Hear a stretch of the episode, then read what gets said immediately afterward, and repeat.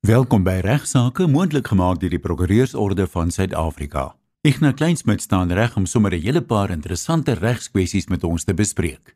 Goeiemôre u en goeiemôre luisteraars. Eh, wat 'n voorreg vir die Prokureursorde van Suid-Afrika vir ons gen om maandag met u regsake te bespreek. Wat 'n voorreg dat uh, jy jou tyd en ek jou ore aan ons leen om mee te luister. Ek weet uh, julle tyd en natuurlik wat julle by julle ore inneem is kosbaar, is belangrik en daarom gaan ek vandag my uiterste bes probeer luisteraars om dit so interessant en leersaam as moontlik te maak. Kom ek begin met goeie nuus oor dronk bestuur of as dit dalk dit slegte nuus en dit gaan oor die wettige bloedalkohol vlak. Daar was onlangs groot boei gewees oor luisteraars wat baie bekommerd was oor gerugte dat die wettige bloedalkohol vlak vir persone agter die stuur van 'n voertuig reeds verander het na 0% ander woorde geen drankie mag ingeneem word voor jy agter jou stuurwiel inklim nie. In die midde van die pandemie waar daar vertye verbod op die verkoop en vervoer van drank is, is dit op hierdie stadium nie noodwendig een van die hoofbesprekingspunte rakende alkohol nie, maar uh, ek sien daar was op 'n stadium weer allerlei fop nuus oor dat ons gaan weer verbied word om alkohol te koop. Maar ek wil tog so 'n bietjie hieroor gesels en luisteraars eerstens gerus stel dat diegene wat nog steeds uh gelukkig uh genoeg was om 'n wyntjie oor te hê en die wat nou weer kan koop kan maar nog steeds 'n glasie daarvan tuis geniet en daarna bestuur indien hul bloedalkohol vlak nog onder 0,05 gram per 100 ml getoets kan word. Nou daar's baie teorieë oor dit verander dit wissel van uh wetenskaplike tot wetenskaplike maar so net so uit die vuis uitgeskiet net die heup uitgeskiet uh kan ek vir u sê dat die gewone bier byvoorbeeld in die gewone gemiddelde persoon van gemiddelde bou ongeveer 0,02 gram per 100 ml sal veroorsaak. En na die tweede ene kan jy maklik al by 0,05 gram wees. En na die derde een beslis maar daar's ook 'n uitskeiding oor 'n tydperk van die bloedalkoholvlakke in jou liggaam so dis redelik ingewikkeld en van my kant af maar verreweg die beste advies is om in elk geval maak nie saak wat die wetgewing op die oomblik sê dan is dit 0,05 om maar glad nie te bestuur terwyl u alkohol ingeneem het nie. Dit is die veiligste en dit is die mees verantwoordelike wyse. Maar dit is wel waar dat die kabinet se nasionale padverkeer wysigingswetsontwerp wel vroeër in 2020 goedgekeur is vir voorlegging aan die parlement en indien hierdie konsep wetsontwerp bekragtig word, sal hierdie wysiging inderdaad veroorsaak dat geen persoon wat 'n alkoholiese drankie geniet het ongeag hoe groot of klein of hoe lig of hoe sterk daarna wettiglik agter die stuur sal kan inklim voordat die alkohol nie hulle liggaam totaal verlaat het nie. En dit is ook belangrik om daarop te let dat hierdie konsepwet uh nie regtig die vonnisse vir dronk bestuur verhoog nie, maar dit sal van toepassing wees op enige persoon wat enige alkohol van watter aard ook al in hulle stelsels het terwyl hulle bestuur. Nou luisteraars, uh, dit kan veral natuurlik problematies wees indien ons ook in gedagte hou dat een drankie eh, 'n uh, uur of wat kan neem om uit jou stelsel te kom, maar eh, 'n uh, paar drankies kan weer veroorsaak dat daar selfs nog spore en oorblyfsels van die alkohol die volgende oggend in jou stelsel aangetref kan word nie tot laat nag gevyf het. Nou hierdie wysigingswetsontwerp, herhaal ek, moet nog deur al die parlementêre prosesse en openbare deelname gaan. Ek sien die betrokke minister hoop dat dit voor die einde van die jaar die lig kan sien. Ek het my ernstige twyfel daaroor, maar daar moet nog openbare deelname plaasvind uh, in hierdie prosesse uh, en die president sal natuurlik soos gewoonlik die laaste sê met die ondertekening en die inwerkingtreding van hierdie wetgewing. Maar weer eens, sover net gerugte, maar daar mag dalk in die toekoms 'n situasie kom waar 'n nul alkoholvlak vir ons as Suid-Afrikaners daar gestel sal word. Luisteraars, Augustus maand was vroue maand en hier is dalk 'n bietjie mosterd na die maal as ek wil praat oor die stereotipering uh, van seksuele misdrywe, maar seksuele misdrywe is is met ons elke dag van ons lewens en elke maand van elke jaar. Maar ek het pas 'n baie insiggewende artikel in die Rebus raak gelees wat ek graag met die luisteraars wil deel. En dis 'n artikel van 'n landros Desmond Franke. Hy handel met die rol wat sekere stereotypes en mites rondom seksuele misdrywe tydens die aanhoor van hierdie sake in ons howe speel. Nou, eerstens belangrik dat wetgewing wat seksuele misdrywe reguleer, word gedurig gewysig, maar word die motivering vir en die resultate van hierdie verwikkelinge egter nie aldag in ons howe waargeneem nie. Geen element van hierdie misdrywe ontlok meer mites en meer stereotypes as die van die sogenaamde toestemming van die beweerde slagoffer of van die slagoffer nie. Nou, die wysigingswet op die strafreg, ja, dan met seksuele misdrywe en verwante aangeleenthede van 2007 definieer die sogenaamde toestemming as ek haal aan vrywillige of ongedwonge instemming einde van aanhaling en word sodanige toestemming vereis ten opsigte van elke seksuele aktiwiteit vrywillige of ongedwonge instemming nou met die aanhoor deur 'n hof van hierdie misdrywe moet die slagoffer dus en dis nou belangrik vir die hof bo redelike twyfel oortuig dat daar geen toestemming was tot hierdie betrokke seksuele aktiwiteit waarvan die beskuldigde aangekla word nie. Nou slagoffers, uh, veral dames, vroue, dogters sukkel dikwels om hulle van hierdie bewyslas wat op hulle rus te kwyt. En dit is veral problematies in hierdie gevalle waar dit dikwels een persoon se woord teen 'n ander persoon is. En meeste seksuele misdrywe is natuurlik in privaatheid word dit gepleeg waar niemand dit kan sien nie en is gewoonlik 'n enkel getuie teen die beweerde krimineel. Dis dan waar daar van die hof verwag word om die totaliteit van die getuienis en die geloofwaardigheid van die getuies baie versigtig te beoordeel. En is daar dan baie stereotypes wat hier kan deursyfer? Want landrose is maar net mense soos u en ek. Opponerende partye in hierdie verrigtinge laat hulle self dan dikwels uit oor die voorspelbaarheid van sekere menslike optrede.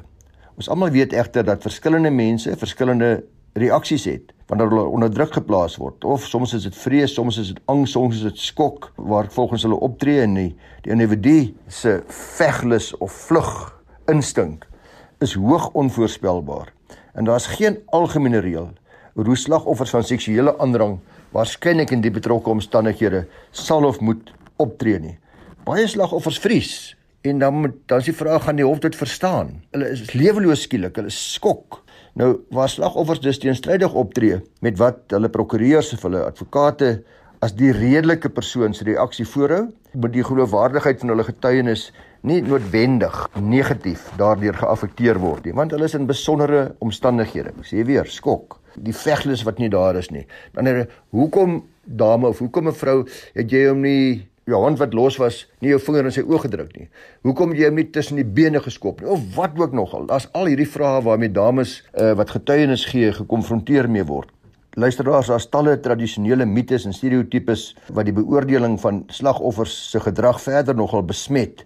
Byvoorbeeld, daar's 'n idee wat sommige het dat onkuise vroue meer waarskynlik is om hulle toestemming tot seksuele aktiwiteite te verleen. En hulle getuienis tot die teendeel dis nie as geloofwaardig beskou is nie of dat passiwiteit aan die ander woord ek lê net daar deur die slagoffer toestemming daarstel of geïmpliseer toestemming is nou dis baie keer onder kruisondervraging waar hierdie arme slagoffers wat baie kwesbaar mag wees gekritiseer word deur die oppositie die ander regsverteenwoordiger oor hulle reaksies. Reaksies voor tydens of na die aanval. Hulle word met vrae gepeper, hoekom jy nie geskree nie, hoekom jy dit nie dadelik aangemeld nie, wat het jy gedoen daarna? Uh, want baie keer word dit eers 'n dag of wat later aangemeld as gevolg van skaamte, vrees, nie weet wat om te doen nie. Hoekom het jy nie probeer vlug nie? Vir wie het jy dadelik vertel? Uh was jy nie in 'n verhouding nie? Hoe kan jy seker wees dat jy werklik toestemming geweier het? Hoekom was jou rokkie so kort geweest? Het jy my dalk uitgelok nie? Ensovoorts ensovoorts. So stereotipering duidelik. Daar kan nie aangeneem word luisteraars dat hierdie kwesbare slagoffers, sê Landros Desmond Franke in hierdie artikel in die regstydskrif De Robus, dat hierdie kwesbare slagoffers se gedagtes of reaksies enigstens rasioneel gaan wees nie. En moet die blootstelling of beklemtoning van irrasionele gedrag dus nie onbehoorlike gewig dra in die aanhoor van hierdie misdrywe nie. Dis juis hierdie oortuiging sê hy wat veroorsaak dat soveel slagoffers ons howe as vyandig ervaar en beskou. Dan sluit hy af deur te sê dis die plig van regspraktisyns om die mites en die stereotipering in die aanhoor van seksuele misdrywe te elimineer. Misleidende en ongegronde oortuigings oor seksuele aanranding belemmer die feitebevindings en die proses om feite te bevind en ons howe moet verseker dat elke persoon se reg tot regverdige behoor behoorlik beskerm word. Dit sluit in ook die klaagsters of klaars van seksuele aanranding Want ek sekondeer amen daarop. Ons uh, sien en hoor gereeld dat die padongelukke fonds of die sogenaamde road accident fund, dis die mense van wie geëis word as u ernstig beseer was in 'n motorbotsing of as 'n uh, passasier of as voetganger en dis al vir baie jare in die nuus. Vir baie jare nou al is daar 'n groot probleem met die fondse van die padongelukke fonds. Baie mense maak beweringe van uh, swak bestuur. Daar's ook 'n groot wisseling van leiers by hierdie POF al vir baie jare lank. En ek sien nou onlangs dat sommige kommentators sê hierdie fonds, hierdie padongelukke fonds, die RAF, die POF, gaan die regering se volgende groot kopseer wees na die SAL en ander. Nou, ek wil vandag kyk daarna of die feit dat so 'n fonds groot finansiële probleme het of dat hulle likwiditeit ingedrang is of dat hulle dalk bankrot is of dit ter as howe in aanmerking geneem moet word wanneer hulle moet besluit hoeveel geld een ek moet kry wanneer ons ernstig beseer is. In ander woorde, moet ek dan minder kry as wat iemand 5 jaar of 10 jaar terug gekry het net omdat die fonds nie behoorlik bestuur was nie of omdat die staat nie genoeg geld beskikbaar gestel het. Nou in die saak van Malachi versus die padongelukke fonds, was dit die enigste kwessie of die eiseres geregtig is op algemene skade en ook wat die kwantifisering, wat die bedrag van hierdie eis moes wees. Hoeveel geld sy sou ontvang uh, Mmelachi. Nou algemene skade luisteraars is die die totale bedrag wat insluit pyn, lyding, ongemak, emosionele skok en trauma, die verlies en uh, van die genot en die lewensgeriewe, die nie vermoënskade, so alles en nog wat wat nie byvoorbeeld mediese uitgawes insluit nie, maar wat pyn en lyding, skok en, en, en lewensgenot insluit. Haar ongeluk het al op 12 Julie 2015 plaasgevind en haar beserings was so ernstig dat sy 'n kwadripleeg geword het as gevolg van die ongeluk. Haar lewensgehalte het dus aansienlik verswak, uh, soveel sodat sy permanent in 'n rolstoel vasgekluister was en sy het tot 'n groot mate maar 'n toeskouer van die lewe geword. Regter van 'n skuif wat die saak aangehoor het, het uitgewys dat volgens hom moet daar geregtelike erkenning geneem word. Die hof moet daarvan kennis neem geregtelik dat die fonds vir alle praktiese doeleindes insolvent is. Die regter het uiteindelik 'n bedrag van 2,65 miljoen rand aan Mmerlati toegestaan vir haar algemene skade wat volgens baie regsgeleerdes uiters konservatief is vir hierdie ernstige beserings. As ons maar net na 'n paar sake kyk in in Robert J. Koch se Quantum Jaarboek wat uitbetaal is vir spinale beserings, maar dan spesifiek vir kwadriplee, is dit duidelik dat uh, daar meer toegeken is in vorige sake.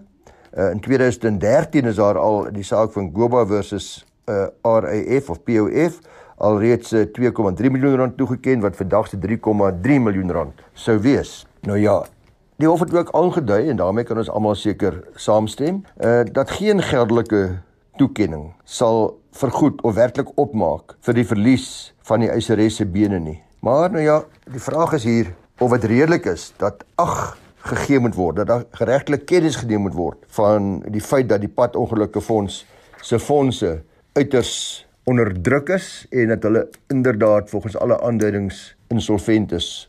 Ek weet nie of u gelukkig sal wees as u beseer is en u of u geliefde se eis beperk word as gevolg van die fonds se finansiële benadering nie. Ek hoop en vertrou dat hierdie spesifieke aspek weer deur ander howe ook aangespreek sal word sodat ons meer duidelikheid hieroor kan verkry en ek sal u op die hoogte hou indien dit wel sou gebeur. Ons almal ken 'n verband oor vaste eiendom. In deel 2 van vandag se regsaake gesels ek nou onder andere oor hoe notariële verbande werk. Dis nou verbande oor roerende goed.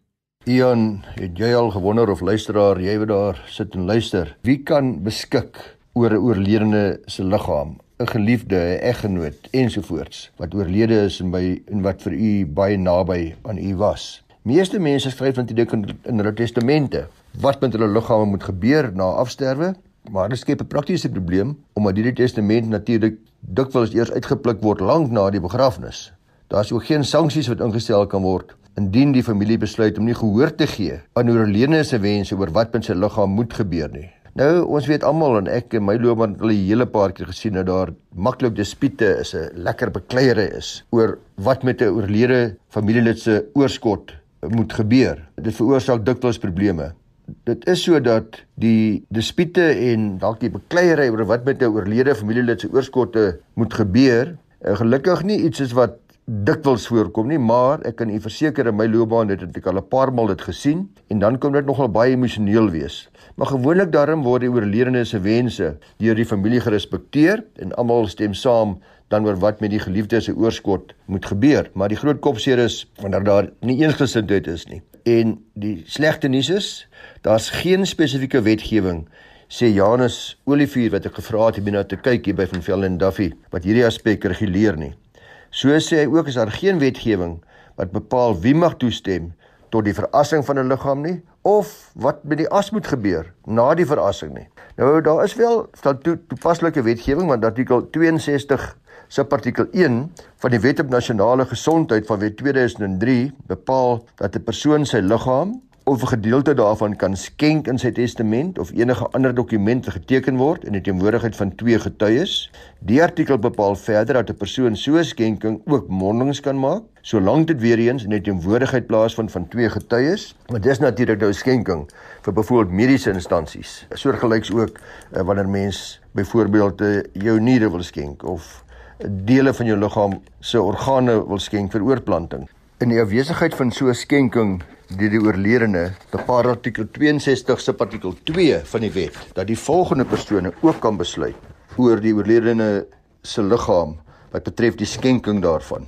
Word dis nou waar hy nie self daartoe toegestem het nie. Die persone is in volgorde van preferensie die oorledene se langslewende gade eerstens of sy lewensmaat en dan eers die minderjarige kinders, dan sy ouers, sy of haar ouers, dan 'n voog en laastens 'n minderjarige broer of suster.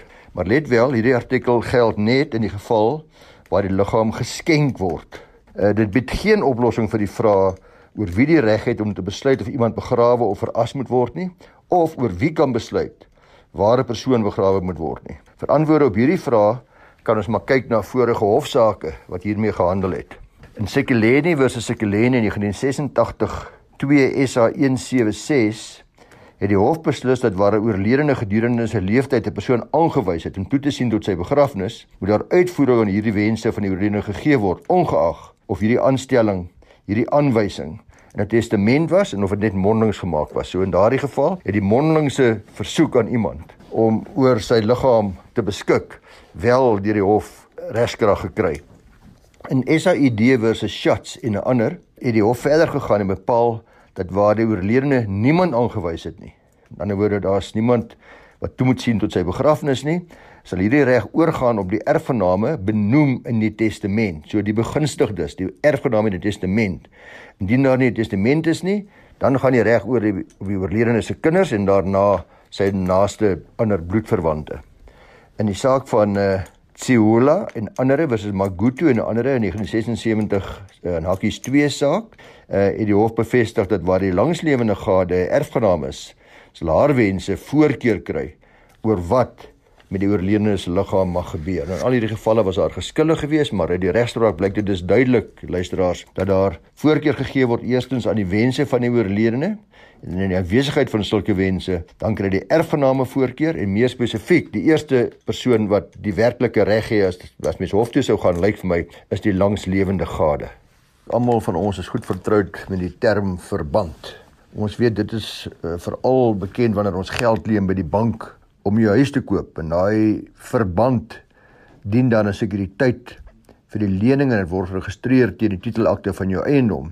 So ons is vertroud met hierdie konsep. Die bank kry dan in so 'n geval 'n beperkte saaklike reg in die vorm van 'n gesekureerde eis. Jy betaal maandeliks terug en as jy versuim om te betaal, uh, dan natuurlik kan hulle die verband oproep en dan word jou huis mettertyd op 'n veiling verkoop en as daar nog 'n balans verskillig is, dan jy dit nog steeds verskuldig, maar indien jy dan ook later insolvent verklaar word en jou eiendom verkoop word, sal die opbrengs van die verkoop eersins gebruik word om die bank se eis te betaal voordat ander skuldeisers betaal word. Dis 'n mate van preferensie wat dit 'n uh, baie beter sekuriteit maak as enige ander vorm van sekuriteit. Nou uh, baie mense dink aan 'n verband net as dit wat deur 'n bank gegee word, maar natuurlik is vir hoe 'n verkoper van 'n eiendom om selfs ook in sy eie naam 'n verband toe te staan ten gunste van die koper. Met ander woorde, die koper betaal koop my huis vir 'n miljoen rand. Ek sê vir hom, "Goed, uh, jy jy het net 100 000 rand. Jy kwalifiseer nie vir 'n lening by die bank om watter rede ook al nie, maar ek sal 'n verband registreer vir 900 000 rand en jy betaal dan in plaas van die bank betaal jy my maandeliks en verder is dit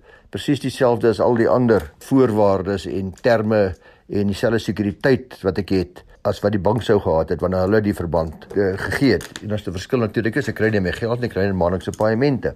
Nou wat min mense besef is dat jy ook 'n verband kan gee oor jou roerende bates. Dit is soos byvoorbeeld wat boere doen met hulle beeste of as jy byvoorbeeld 'n klomp goeie skilderye het, dan kan jy ook 'n verband registreer as sekuriteit vir iemand by wie jy geld wil leen. En dit staan bekend as 'n notariële verband. Martin Kotse, 'n direkteur van MJ Kotse ingelyf en Ellen West, 'n bekende eiendomsregkonsultant daar by Tonkin Claysie ingelyf, het onlangs 'n baie goeie artikel geskryf oor notariële verbande wat op Go Legal se webtuiste gepubliseer was. En ek wil kortliks net vinnig na 'n paar kernbeginsels kyk wat hulle uitgewys het en luisteraars wat meer hieroor wil weet, kan gerus die artikel getiteld Notarial Bonds Important Considerations op Go Legal gaan lees. Nou, soos genoem, sê hierdie twee kollegas, dit kan notariële verbande net slegs oorhoedende bates geregistreer word. Dit kan liggaamlike sowel as onliggaamlike bates wees. Dis dus moontlik luisteraars om aandele in 'n maatskappy of 'n dranklisensie of selfs 'n huurkontrak met 'n notariële verband te verbind en dit aan te bied as sekuriteit. Dis egter nie moontlik sê hulle om 'n skip of 'n vliegtyg met 'n notariële verband te verbind nie. Maar enige gewasse soos byvoorbeeld mielies of koring wat geplant is maar nog nie geoes is nie, kan ook nie deur 'n notariële verband verbind word nie, want dit word as onroerende eiendom beskou. Uh, dis vas in die eiendom. Dis nie roerende eiendom nie. Dis natuurlik so omdat die mielies soos ek sê aan die grond vas is en daadwerklik deel vorm van die grond, net soos wat jou huis deel vorm van die grond as daarop gebou is en daarom kan 'n gewone verband op jou huis geregistreer word en nie 'n notariële verband nie. Daar's ook verskeie forme van notariële verbande. Net soos by gewone verbande, maar kan twee notariële verbande in twee hoofkategorieë verdeel word, naamlik sogenaamde spesiale notariële verbande en algemene notariële verbande. 'n Algemene notariële verband verbind alle roerende bates van die verbandgewer terwyl 'n spesiale notariële verband slegs sekere gespesifiseerde roerende bates verbind. Dit is dit is dus spesifiek word dit in die verbandakte genoem. Nou ja, op die oog af maak dit dalk lyk of algemene notariële verbande beter sekuriteit verskaf nes oor al jou roerende goedere, maar in werklikheid is dit nie die geval nie want registrasie van 'n algemene notariële verband verleen nie 'n saaklike reg aan die verbandhouer. Dit is 'n bietjie tegnies, maar die verband moet eers geperfekteer word alvorens die verbandhouer gesekureerde eis kry. Perfektering van 'n verband vind plaas wanneer die verbandhouer besit neem van hierdie bates. Aan die ander wyk moet hulle my besit neem en dan is die verband eintlik voltooi, ge, geperfekteer, perfek gemaak. In hierdie opsig werk dit dieselfde as byvoorbeeld 'n pandooreenkoms.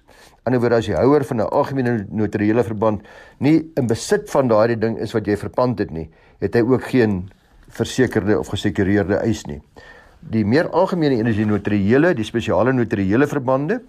Dan kry die verbandhouer saaklike reg by registrasie van die verband. En dit word so bepaal deur die Wet op Sekuriteitstelling deur middel van roerende goed, dis 'n 1993 wet. In hierdie geval is dit dus nie nodig dat perfektering moet plaasvind nie. Jy het onmiddellik sekuriteit. Uh, dis wel moontlik om algemene bates, asook spesiale bates in een notariële verband te verbind. Die algemene uh, gevolgtrekking by meeste regsgeleerdes en ek stem daarmee saam, is ook dat dit die beste vorm van sekuriteit is wanneer dit by notariële verbande kom. Met ander woorde, 'n algemene notariële verband, maar ook spesifiek 'n spesiale notariële verband in een dokument. Nou, nog 'n baie belangrike aspek luisteraars om te verstaan by verbande is dat verbandhouer nie outomaties die reg kry om hierdie eiendom te verkoop nie. Indien jy byvoorbeeld 'n paaiement mis, kan die bank nie sy mure eiendom verkoop nie, hy konna. 'n Verband gee slegs sekuriteit aan die verbandhouer in die vorm van 'n gesekureerde eis teen jou boedel. As die verbandhouer die betrokke bates wil verkoop, of dit nou roerend of onroerend is, moet hy eers 'n hofbevel kry voordat toegelaat kan word dat dit verkoop word. In ander woorde, dit is 'n proses wat eers gevolg moet word. Net die hof kan dit magtig. In die geval van 'n notariële verband egter, is dit moontlik om 'n klousule in hierdie verband in te bou. En wat wat ons maar gewoonlik doen, wat dit dan moontlik maak om hierdie bates sonder 'n hofbevel te verkoop. So let wel, by 'n onroerende eiendom soos jou huis, altyd 'n hofbevel eers, maar by roerende goed kan daar in die akte, die notariële verband akte ooreengekom word dat jy dit kan verkoop sonder 'n hofbevel. Dis die sogenaamde parate eksekusie klousule.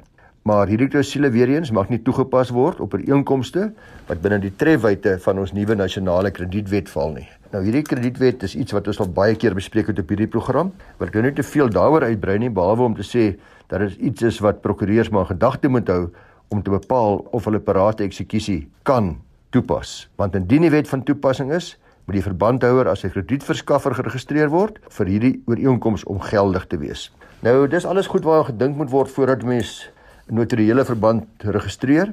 En indien 'n verbandakte foutiewelik opgestel word of die kredietooreenkoms dalk ongeldig is, sal dit nogal redelike nadelige gevolge hê vir die verbandhouer of die skuldeiser. Dis dus baie belangrik luisteraars as mens nou dink daaraan om uh, wel geld te gaan leen in jou notarie en jy wil of jy wil dit uitleen en jy wil roerende goede sekuriteit vat om maar doodseker te maak dat uh, hierdie notariële verband deur 'n notaris uitgevoer word. Dit is net notarisse, nie net nie gewone prokureurs nie, moet ook as notaris geregistreer wees wat dit kan uitvoer, want hulle is dan veronderstel om spesialis kennis te hê.